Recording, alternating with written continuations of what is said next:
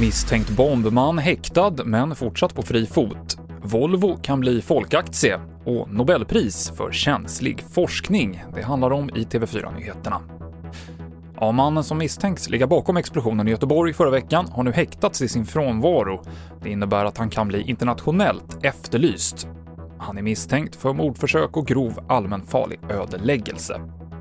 Polisen säger att ingenting tyder på att ett attentat ligger bakom krocken på E4 igår då Lars Vilks och två poliser omkom.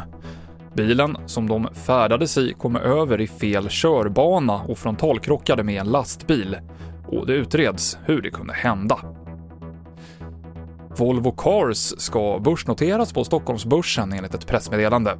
Vår ekonomireporter Jens B Nordström säger att eh, man siktar på att få vanliga svenskar att bli aktieägare. Det är nog det som är ambitionen i alla fall och i och med att man gör en notering på Nasdaq Stockholm så riktar man ju sig ganska mycket mot det svenska folket också. Och det är väl där som Volvo kanske har den mest breda förankringen också internationellt så är ju Volvo fortfarande väldigt mycket en nischspelare. Det sa Jens B Nordström. Och vi avslutar med Nobelpriset i medicin eller fysiologi som idag tilldelades forskarna David Julius och Arden Pataputian. Deras forskning handlar om känsel, hur värme, kyla och beröring översätts av nerver i vår hud.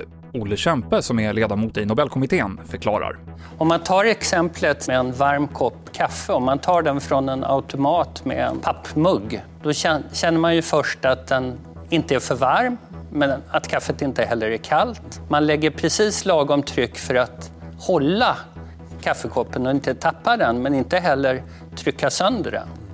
Och när man ska föra den till ansiktet, då gör man det med millimeterprecision tack vare trycksensorer här i våra muskler. Det sa Olle Kämpe som är ledamot i Nobelkommittén och Nobelveckan fortsätter imorgon med Fysikpriset. Mer nyheter finns i vår app TV4 Nyheterna. Jag heter Mikael Klintevall.